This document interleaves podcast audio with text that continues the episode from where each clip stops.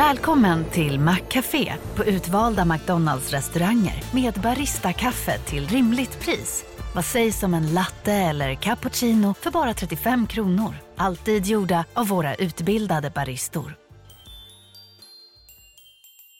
Hej, Susanne Axel här. När du gör som jag och listar dig på en av Krys vårdcentraler får du en fast läkarkontakt som kan din sjukdomshistoria.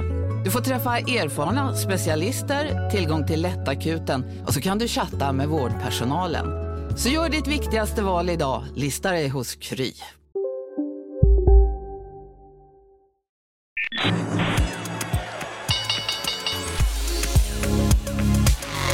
Det här är Marknaden med Helene Rothstein.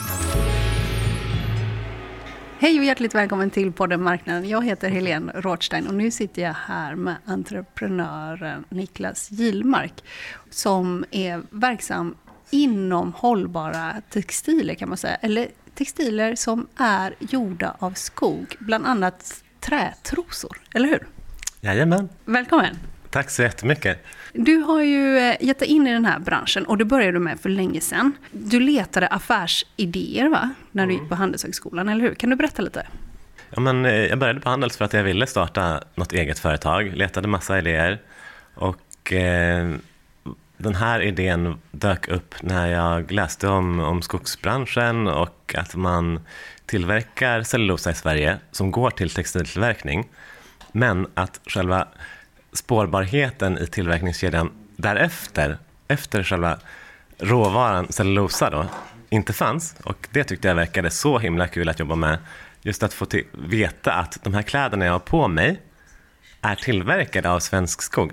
Skog som har vuxit i ja, men uppåt hundra år, som mina förfäder har planterat och som, ja, men som man har gått, upp, gått omkring i, i när man har vuxit upp helt enkelt. Eh, du drog igång 2015. Nu så har du lierat dig med Gina Tricot, men det har tagit ganska lång tid att komma dit. Varför då? Jag jobbade aktivt med det här ett par år och fick det inte riktigt att flyga så som jag ville. Det handlar, handlar väldigt mycket om att komma upp i volym. När man kollar tillbaka så hade man kunnat göra så mycket annorlunda för att lyckas. De sakerna som, eh, som jag identifierade som okej okay, det här är saker som vi verkligen borde göra bättre, är sånt som vi har lyckats med i den här kollektionen, vilket är fantastiskt. Då, då lyckades vi med en sak som, som jag tycker är fantastisk i sig och det är just spårbarheten, att veta att det här är svensk skog i de här kläderna. Eh, och det var det, det, var det vad jag, vad jag liksom hade som mål också. Eh, men i den här kollektionen nu så är kläderna helt tillverkade inom Europa.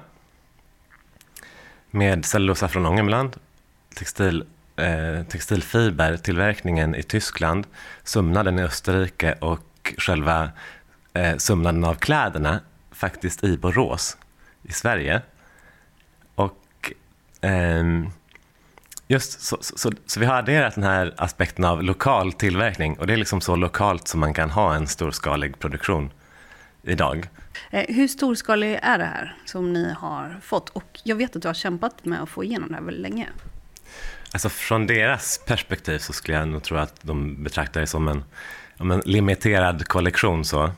Eh, men eh, från mitt perspektiv så är det ju en, en, en stor kollektion med tusentals plagg. Medan du höll på med det här företaget och startade och så, så jobbade jag på Affärsvärlden.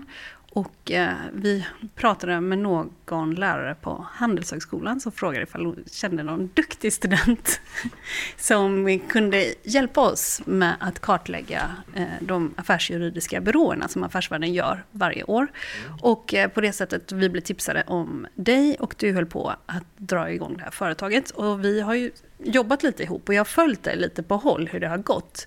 Och en gång så träffade jag dig på centralstationen. Då hade du typ hyrt hela centralstationen för att marknadsföra detta. Och jag tänkte bara, hur ska det gå det här? Kan du berätta lite om, om den här när du hyrde centralstationen, allt det där liksom kampen för att faktiskt få igenom att komma in på en av de stora kedjorna? Alltså det där var ju ett så himla galet projekt som, som man också kan ångra lite så i efterhand, men som blev ju fantastiskt. Det blev en helt otrolig utställning där med konst från alltså några av Sveriges bästa konstnärer med tallar från Holmens eh, skogar Inne på centralen liksom. inne på Centralen och lansering av damunderkläder talare kring hållbarhet och framtidens textilmaterial och vad man kan göra från eh, skogsmaterial och, och sådana saker. Så den var, den var jättehäftig men den, alltså det kostade alldeles för mycket och pengar som vi vi inte hade. Förutom den här centralstationen, vad, liksom, vad gjorde ni för någonting? Eh, Jag fick idén, eh, började researcha liksom kring material och tillverkningskedjan och så. Kontaktade Stefan Söderberg som är grundare av Hope. Och han eh, tyckte att det fanns någonting eh, väldigt fint i den här idén. Att jobba med skogen och, och den här typen av... Ja, just känslan av allvar och att gå... Tänk känslan att gå i de här stora liksom, skogarna med gran och tallar och så. Just det storslagna och vackra i det. Att fånga den känslan i ett typ av varumärke med eh, kläder där man känner den här respekten för, för råvaran. Eh, och eh, vi, ja, men vi jobbade med varumärket och han jobbade med designen av, eh, av kläderna och så. Eh, och eh, lanserade på NK 2016. Och eh, jobbade ett tag med det, så, eh, med försäljning och så. Men eh, lyckades inte få till den volymen och så som krävdes för att verkligen lyckas. Sen bestämde jag mig för att lägga allvar på is. Eh, Hoppa in lite på affärsvärlden och så vidare. Hoppa, ja, men precis. Och jag jobbade på Affärsvärlden lite parallellt med Allvar för att liksom le, få lite bröd på bordet så att säga. Och eh, eh, i den vevan när jag bestämde mig för att lägga Allvar på is så såg jag ett inslag på Ekonomibyrån med hon eh, Carolina Neurath där, där eh, Gina Tricos, eh, hållbarhetschef, var med. Emma Garott Fredman heter hon. Och där hon pratade om just spårbarhet som en viktig aspekt av, eh, av hållbarhet. Så jag hörde av mig till henne och hon tyckte att den här idén att göra någonting tillsammans med skogen som råvara verkade häftig och ja, på den vägen är det. Och eh, fyra år senare så har vi lanserat en kollektion tillsammans. Men det här första då, när man la ner det där. Vad tänkte du då? Hur gick, eh, tänkte du bara, fan, okej, det, jag får göra något annat med mitt liv? Eller hur, hur tänkte du? Du måste ju ändå varit eh, besviken eller någonting. Ja, men absolut. Jag hade hoppats och så att det skulle flyga, att jag skulle kunna växa allvar till något stort. Så. Men eh, samtidigt så var jag jättenöjd med det jag hade åstadkommit med spårbarheten. Men eh, det har varit spännande. Det har inte känts som att, att, det har liksom, att jag har lagt det helt vid sidan om i och med att det här har ändå löpt på lite vid sidan de senaste fyra åren. Och där vi har kunnat eh, skapa kläder och så som är eh, ja, men, så mycket bättre än de som vi hade då när vi lanserade. Vad är skillnaden? Ja, men just att hela tillverkningen är så lokalt som möjligt. Då var en del av tillverkningen i Asien. Och att eh, vi har fått upp en, eh, en väldigt mycket högre andel eh, skogsmaterial i kläderna, 87 procent. Nej, men jag tycker att eh, de har ju också, får ju ut det här till en mycket större publik, eller vad man säger. Men det har alltid framförallt varit underkläder, med något undantag nu på Gina Tricot. Ja, ja precis. Men var ni lite för tidiga eller också när ni rullade ut i butiksnätet från början? Ja, men kanske för tidiga. Hållbarhet har ju seglat upp som en väldigt mycket större, större aspekt nu. Helt klart. Ehm, Men sen så, man hade, jag hade kunnat göra så jättemycket annorlunda. Säg, säg, säg någonting. Det är, ju, det är ju faktiskt många som drömmer om att starta eget företag och hitta en nisch. Du börjar ju liksom, vad ska jag göra för någonting? Och sen får vi se hur det går här framåt. Det vet man ju fortfarande inte. Men jag har ju sett dig kämpa på där på centralstationen, allt möjligt. Genom, jag har ju följt dig lite så här vid sidan ju. Eh, men eh, vad är det du har gjort för missar då, som man kan tipsa andra att kanske inte göra?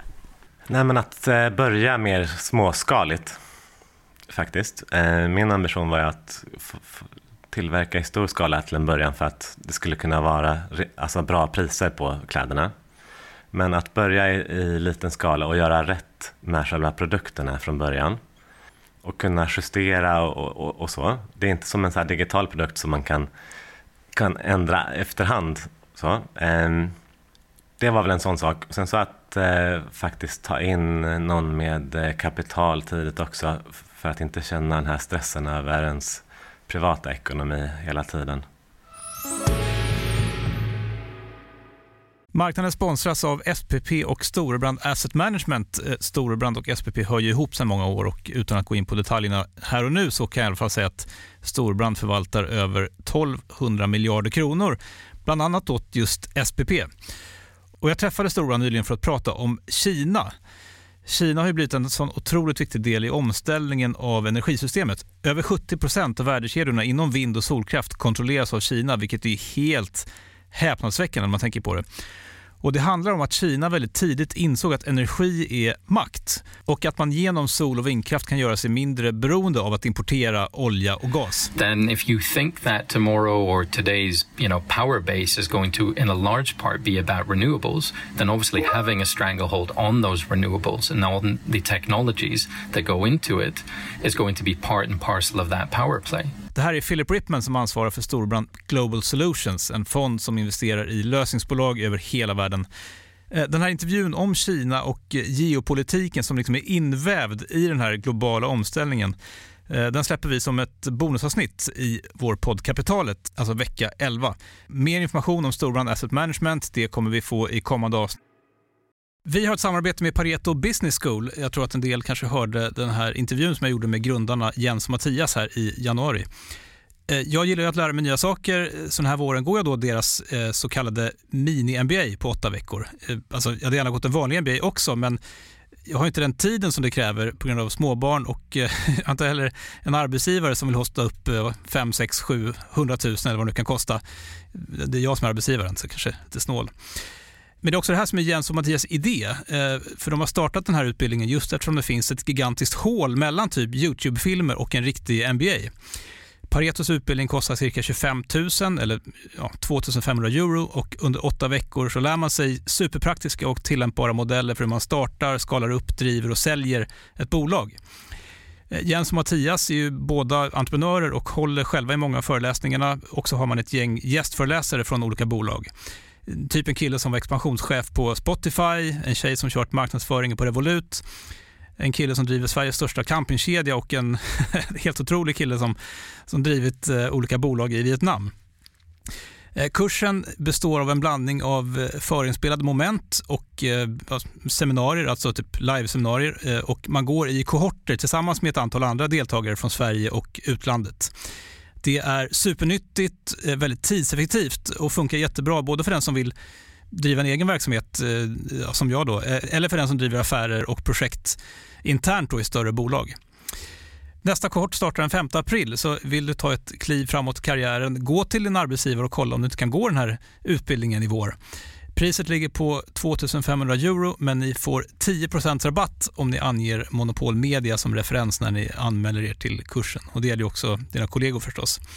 Så gå in och kolla på paretoschool.com. Där finns mer info om kurserna och eh, också lite smakprover från utbildningen om man vill känna eh, lite hur, hur det känns. då. Så missa inte den här chansen att lära dig nya saker och eh, ja, ta ett kliv i karriären och träffa andra likasinnade. Men tack säger jag till Pareto Business School när jag läste om det i Dagens Industri så stod det att 2020 så tillverkades ungefär 109 miljoner ton textilfibrer. Varav den största delen, hela 62 procent, var syntet, alltså fossilbaserat. Mm.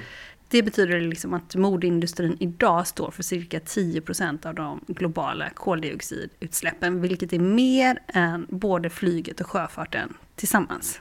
Ja, ja, ja men så är det och eh, textilkonsumtionen ökar ju bara år för år. Och eh, bomullstillverkning, alla känner ju till peak cotton. Att vi har nått liksom en maximal tillverkningsvolym av bomull. Och den bomullen står ju för massa negativa konsekvenser också. Så. eh. Du skrattar eftersom jag tror att jag har en bomullsskjorta på mig. Nej, men, eh, så det, behöver, det behövs nya typer av eh, textilmaterial. Gör det det? Eller kan man inte bara återanvända de plaggen och de textiler som finns idag? Ja, men återanvändning är ju absolut bästa, helt klart.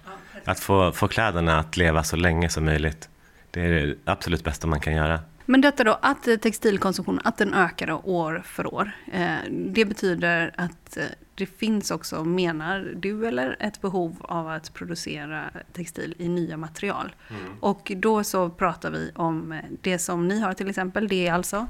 Det här textilmaterialet heter viskos då och är ju en, en typ av så här kemisk process att skapa textilfibrer. Sen så finns det ju massa initiativ på, på frammarsch och så. Eh, både vad gäller mekaniska, där man inte behöver några kemikalier överhuvudtaget, men också mer, mer energieffektiva sätt som liknar viskosprocessen. Men det som jag generellt tycker är, är det absolut eh, eh, finaste när, när, när man pratar om hållbarhet är att få, få hållbarhet att gå hand i hand med eh, ekonomiska intressen. Och så. Eh, därför att det är då som det är någonting som händer. Och eh, tanken från mitt håll med allvar har hela tiden varit att tillverka kläder som inte är särskilt mycket dyrare än, än eh, vanliga, alltså kläder så. Och det är där, det, det, det är dit vi måste komma helt enkelt, att, att hållbara kläder, där spårbarhet såklart är en viktig aspekt, har, har eh, samma prislapp eller lägre till och med. Och skulle jag, skulle jag jobba vidare inom textilbranschen, då, alltså den, den stora utmaningen där som jag ser det, det är att det är så mycket manuella processer i, i textilbranschen. Just all sömnad. Alltså, när jag har varit och besökt fabriker och så där man tillverkar, allt sker, alltså det är som att vara på syslöjden. Ja, ja, nej, men folk sitter med, eh, med vanliga symaskiner och syr varenda söm. Varenda sum som du har på dig är sytt av en person på en symaskin för hand. Så. Eh, och eh, där måste det komma någon slags eh, revolution, eller vad man ska säga, med eh, automatiserad sömnad. För det, det kan göra och eh, möjliggöra att, att vi får eh, lokal klädtillverkning till rimliga priser, till bra priser. Det är ganska intressant att du säger det, för att, det vet man ju. Eller jag vet ju att det är så någonstans, men jag har inte tänkt på det så mycket. Och sen så är det ju sån otroligt stor industri och det är över hela världen. Varför tror du att man inte har sett den här automatiseringen? Vad är det som är så svårt att robotisera här?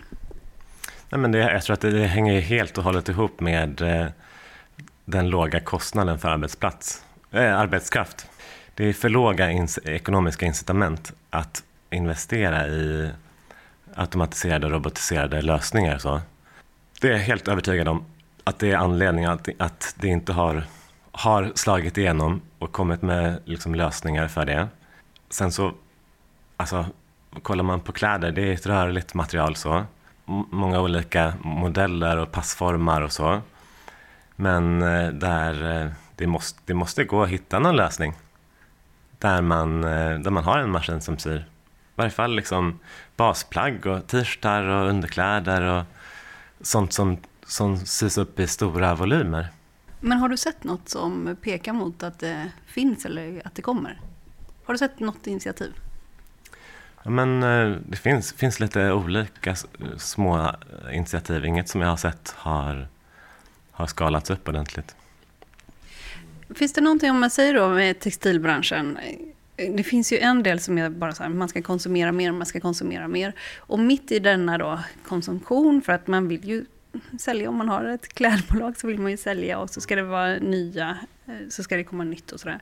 Men finns det någonting här som du kan se på riktigt händer nu? För att man kan ju också säga, lite taskigt då, när jag säger att jag vill träffa dig, men ska man också säga att du är ju med kanske att, eh, men greenwashar liksom en del utav en industri ju. Vad tänker du om det, att man liksom en del är gjort på ett sätt, men i det stora hela så ser det ut på ett annat sätt?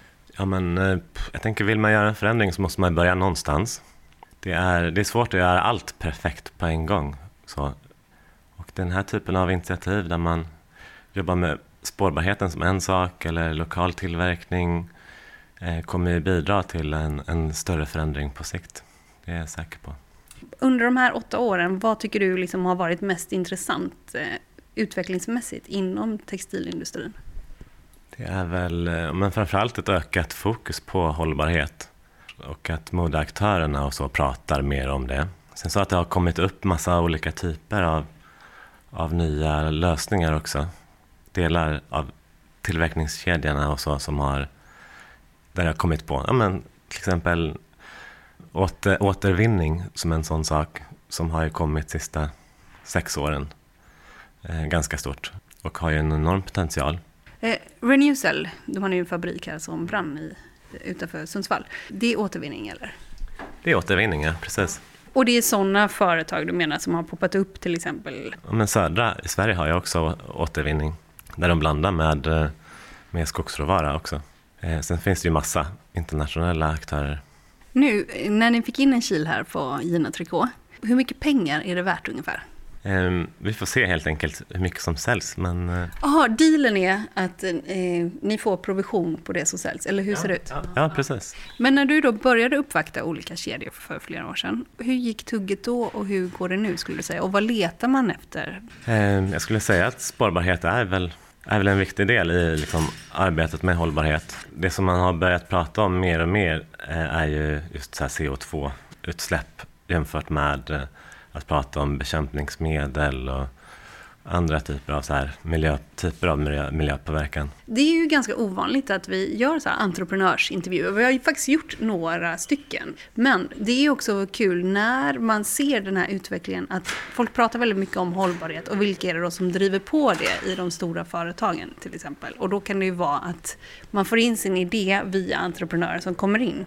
Kan du säga någon annan eh, entreprenör eller något annat företag som är intressant, så kanske inte är direkt konkurrent till dig, men inom textilindustrin som du tycker man kan hålla koll på lite vad som, vad som händer framöver? Men till exempel sådana här som jobbar med sömnad i Sverige, som de här textilfabriken som har sytt den här kollektionen med, med Alvar och Gina, är jättespännande hur de kan faktiskt få, få lönsamhet i det hela. De heter Textilfabriken? Ja.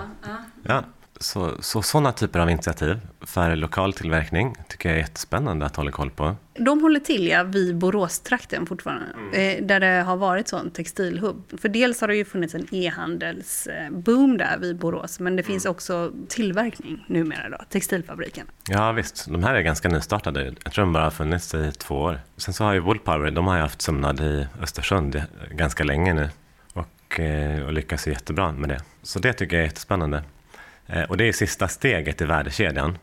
Sen så behövs det, liksom, om du kollar bakåt i, i kedjan, själva stickningen av eh, tygerna, själva garntillverkningen, infärgning såklart, och själva textilfibertillverkningen och, och råvaran och så. För att ha en helt lokal tillverkning så behövs ju alla de stegen. Nu finns det yttersta steget i Sverige då till exempel mm. och det finns eh, både uppe i norr och i, på västkusten. Mm. Men annars, finns det någonting som eh, gör att man tror att man kommer få se tidigare delar av produktionen hemma här i Sverige också? Ja, men det är ju, det är ju verkligen avhängigt att vi har den sista delen, själva sömnaden, lokalt också. Och eh, löser vi det, då kommer, kommer de liksom stegen däremellan lösa sig också. Absolut. Ja, är det så? Eller? Ja, det tror jag. Ska du starta det eller? Ja, men kanske. Ja, ja kanske. Ja, du är inte helt främmande för det? Nej? Nej, nej, nej. nej. Det hade varit jättespännande. Mm, det är också värt att lägga till att du gör detta fortfarande vid sidan av. Du har nu tagit ett ännu finare jobb än det du hade på Affärsvärlden där ett tag när du var i startgroparna. Eh, du är på Stora Enso och är på innovationsavdelningen där, så det går lite hand i hand med vad du håller på med, eller? Ja, precis. Det var när jag jobbade med det här med Alvar och, och kläderna från Svensk Skog som jag såg alla möjligheter att skapa nya produkter och affärsmodeller baserat på förnyelsebar råvara från, från våra svenska skogar helt enkelt. Eh, så jag har en jättespännande tjänst där. Som är, vad är det för något? En innovationsroll. Ja. Helt enkelt att testa nya affärsmodeller. Mm. Eh, så, det, så det, gör, det är liksom ditt vardagsjobb så att säga. Och hur länge har du haft det jobbet? I eh, åtta månader någonting nu bara. Mm. Ah, Okej, okay, kul. Väldigt mycket innovation som rör skog just eh, nu. Alltså om man ska testa i Northvolt till exempel om lignin kan användas i deras batterier och sådär som kommer från skogen. Eller? Så är det va? Mm. Ja. Eh, och det, man ser jättemycket nästan varje dag. Liksom, det här kan man göra av skog, det här kan man göra av skog. Det, varför har man inte liksom tänkt på skogen innan? Alltså det verkar ju otro... Eller ännu mer eh, när man har sett att man kan göra så många saker utav olja som ändå är ganska mäckigt att eh, dra upp i jorden och så vidare. Va, va, vad tror du att det beror på? Men jag tror att det har att göra med att oljan har varit så himla, himla billig. Eh, och att tillverka plast och allt möjligt och liksom, oljebaserade kläder och så har varit eh, så himla billigt. Men det är så du ser ganska mycket när vi pratar här nu. Mm. Så ser du också så här, ja, att man inte automatiserar produktionen beror på att man har haft billig arbetskraft, att man inte har inno, sett mer innovation i skogen. Det beror också på att oljan har varit ganska billig. Att det är, det är verkligen det som styr utveckling av världen helt enkelt. Alltså hur prissättningen ser ut på arbetskraft, på råvara och så vidare. Det är din liksom grundtanke och övertygelse. Ja, men så tror jag definitivt att det är. Ja, ja, ja. Nej, men, eh, och det behövs, ju, det behövs ju alternativ till oljan, och, eh, för den, är liksom, den kommer ju ta slut någon gång och släpper, den är ju inte alls bra för miljön. Även om oljan kanske i sig, det kanske är, eh, det är billigt att tillverka kläder av olja. Och själva, även om själva, textil, själva textiltillverkningen skulle vara bra ur miljösynpunkt så, så är det ändå problemet med att det kommer ut massa mikroplaster och så i haven och sånt. Som, eh, I och med att det inte bryts ner. Om man då ska på riktigt handla så hållbara kläder man kan. Mm. Hjälp oss att fatta hur man ska göra då. Vi tänker bort second hand. För det är väl där man kanske ska handla och så kommer pengarna till eh, någon hjälporganisation och så vidare. Mm. Om vi bortser från det hur ska man tänka då när man går in i en affär och ska handla så hållbara kläder som möjligt? Alltså det är för svårt som konsument att veta. Det är ju det. Det är... Eh, man måste på något sätt sätta sitt förtroende till varumärkena, att de jobbar på ett hållbart sätt. Men vad ska man titta efter? Som du pratar om spårbarhet till exempel, varför är det viktigt? Därför att då vet man hur själva tillverkningskedjan har sett ut. så de flesta kläder vet man inte var, var själva råvaran kommer ifrån, de olika stegen i tillverkningen och så. Så bara, bara att ett plagg har spårbarhet i sig, absolut, det är ju en, en sån uh, jätteviktig sak. Och sen så är, vad det är för typ av råvara såklart och uh, var, var kläderna har tillverkats. Men det är, för, det är en för komplex liksom, uh, bransch för de flesta. Alltså det är för svårt för folk att göra medvetna val hela tiden. Så. Men just, just att veta var, var råvaran kommer ifrån när man köper ett plagg eh, är ju det som jag har jobbat med som hypotes, att det kan vara ett väldigt enkelt sätt för folk att göra ett val. Du är ju en person här och du är ju liksom en liten entreprenör och bara, som har slagit på stort och fått in en kil kan man väl säga. Är det rättvist att beskriva det så? Mm. Ja. Ser du konkurrensen öka bland det som du håller på med nu, eller hur ser det ut? Ja men absolut. Ehm, det finns ju, finns ju massa aktörer nu som jobbar med spårbarhet som en viktig del i sitt arbete. Och där man redovisar exakt eh, var råvaran kommer ifrån och hur de har tillverkats och så. Ehm, Alvar Allvar är en sån liten liksom, aktör så att, eh, att det skulle betraktas som konkurrens är liksom... Eh, det är, alltså alla sån, den typen av initiativ är ju toppen. Kan man säga några som finns som är stora? Men här i Sverige har vi Asket som jobbar väldigt mycket med spårbarhet. Eh, som jag tycker är ett jätteimponerande jobb. Men Stella McCartney har jag kikat på en hel del. De har ju hållbarhet jättehögt på sin agenda. Du allt själv i Allvar? Jag äger en majoritet av Allvar, men tillsammans med Stefan Söderberg som är grundare av Hope. men har du fått in någon kil där på Hope, eller hur ser det ut? Ja, men där när vi sålde i fysiska butiker så, så sålde vi via Hopes butiksnätverk. Men kapitalet från början, från allra första början, var, var kom det ifrån och hur mycket var det?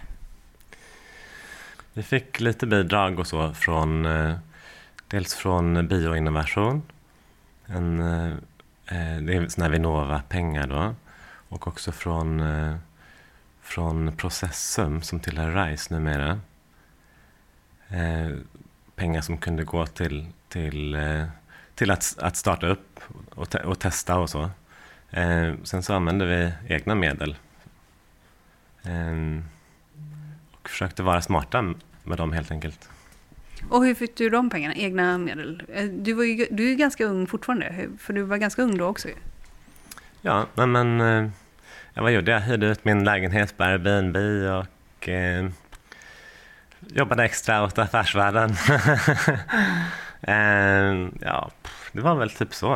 Eh, sen så vi den här, den här utställningen finansierade vi delvis med, eh, med eh, sponsorer och så. Ja, men som Holm, Holmen sponsrade lite grann eh, och eh, Sätra, ett eh, skogsbolag och, eh, och några fler, Norra Skogsägarna. Hey, vi ska bara sammanfatta. Det som du skulle vilja ha gjort lite annorlunda då. Det var dels börja lite småskaligt, mm. även om man har stora ambitioner. Mm. Och eh, sen tidigare ta in någon med externt kapital kanske. Mm. Och har vi någon tredje punkt här? Nej, det är väl typ det. Du dök ju upp här i Dagens Industri i veckan. Och eh, då blev jag väldigt glad, för jag såg ju dig senast den här gångerna under Centralen och blev orolig. Eh, eh, han är storhetsvansinnig. Hur, hur ska det gå? Mm. Men om fem år, vad, vad, kommer jag läsa om dig då, eller vad tror du? Ja, men kanske om jag har dragit igång någon typ av automatiserat sömnadsprojekt. Kanske då. Det ska bli väldigt kul att följa. Och om, även om det går åt helvete allting, vilket vi inte hoppas, kan du vara med och berätta om det då också? Absolut, ja ja. Jag önskar dig stort lycka till Niklas Gilmark. Tack för att du var med i podden Marknaden. Tack så jättemycket. Och du har lyssnat på podden Marknaden med mig, Helene Rådstein. Den här podden den ges ut av Monopol Media och ansvarig utgivare är Jakob Bursell. Hörni, på fredag så kommer ett nytt avsnitt och då med Jakob bakom ratten. Ha det bra, hej då!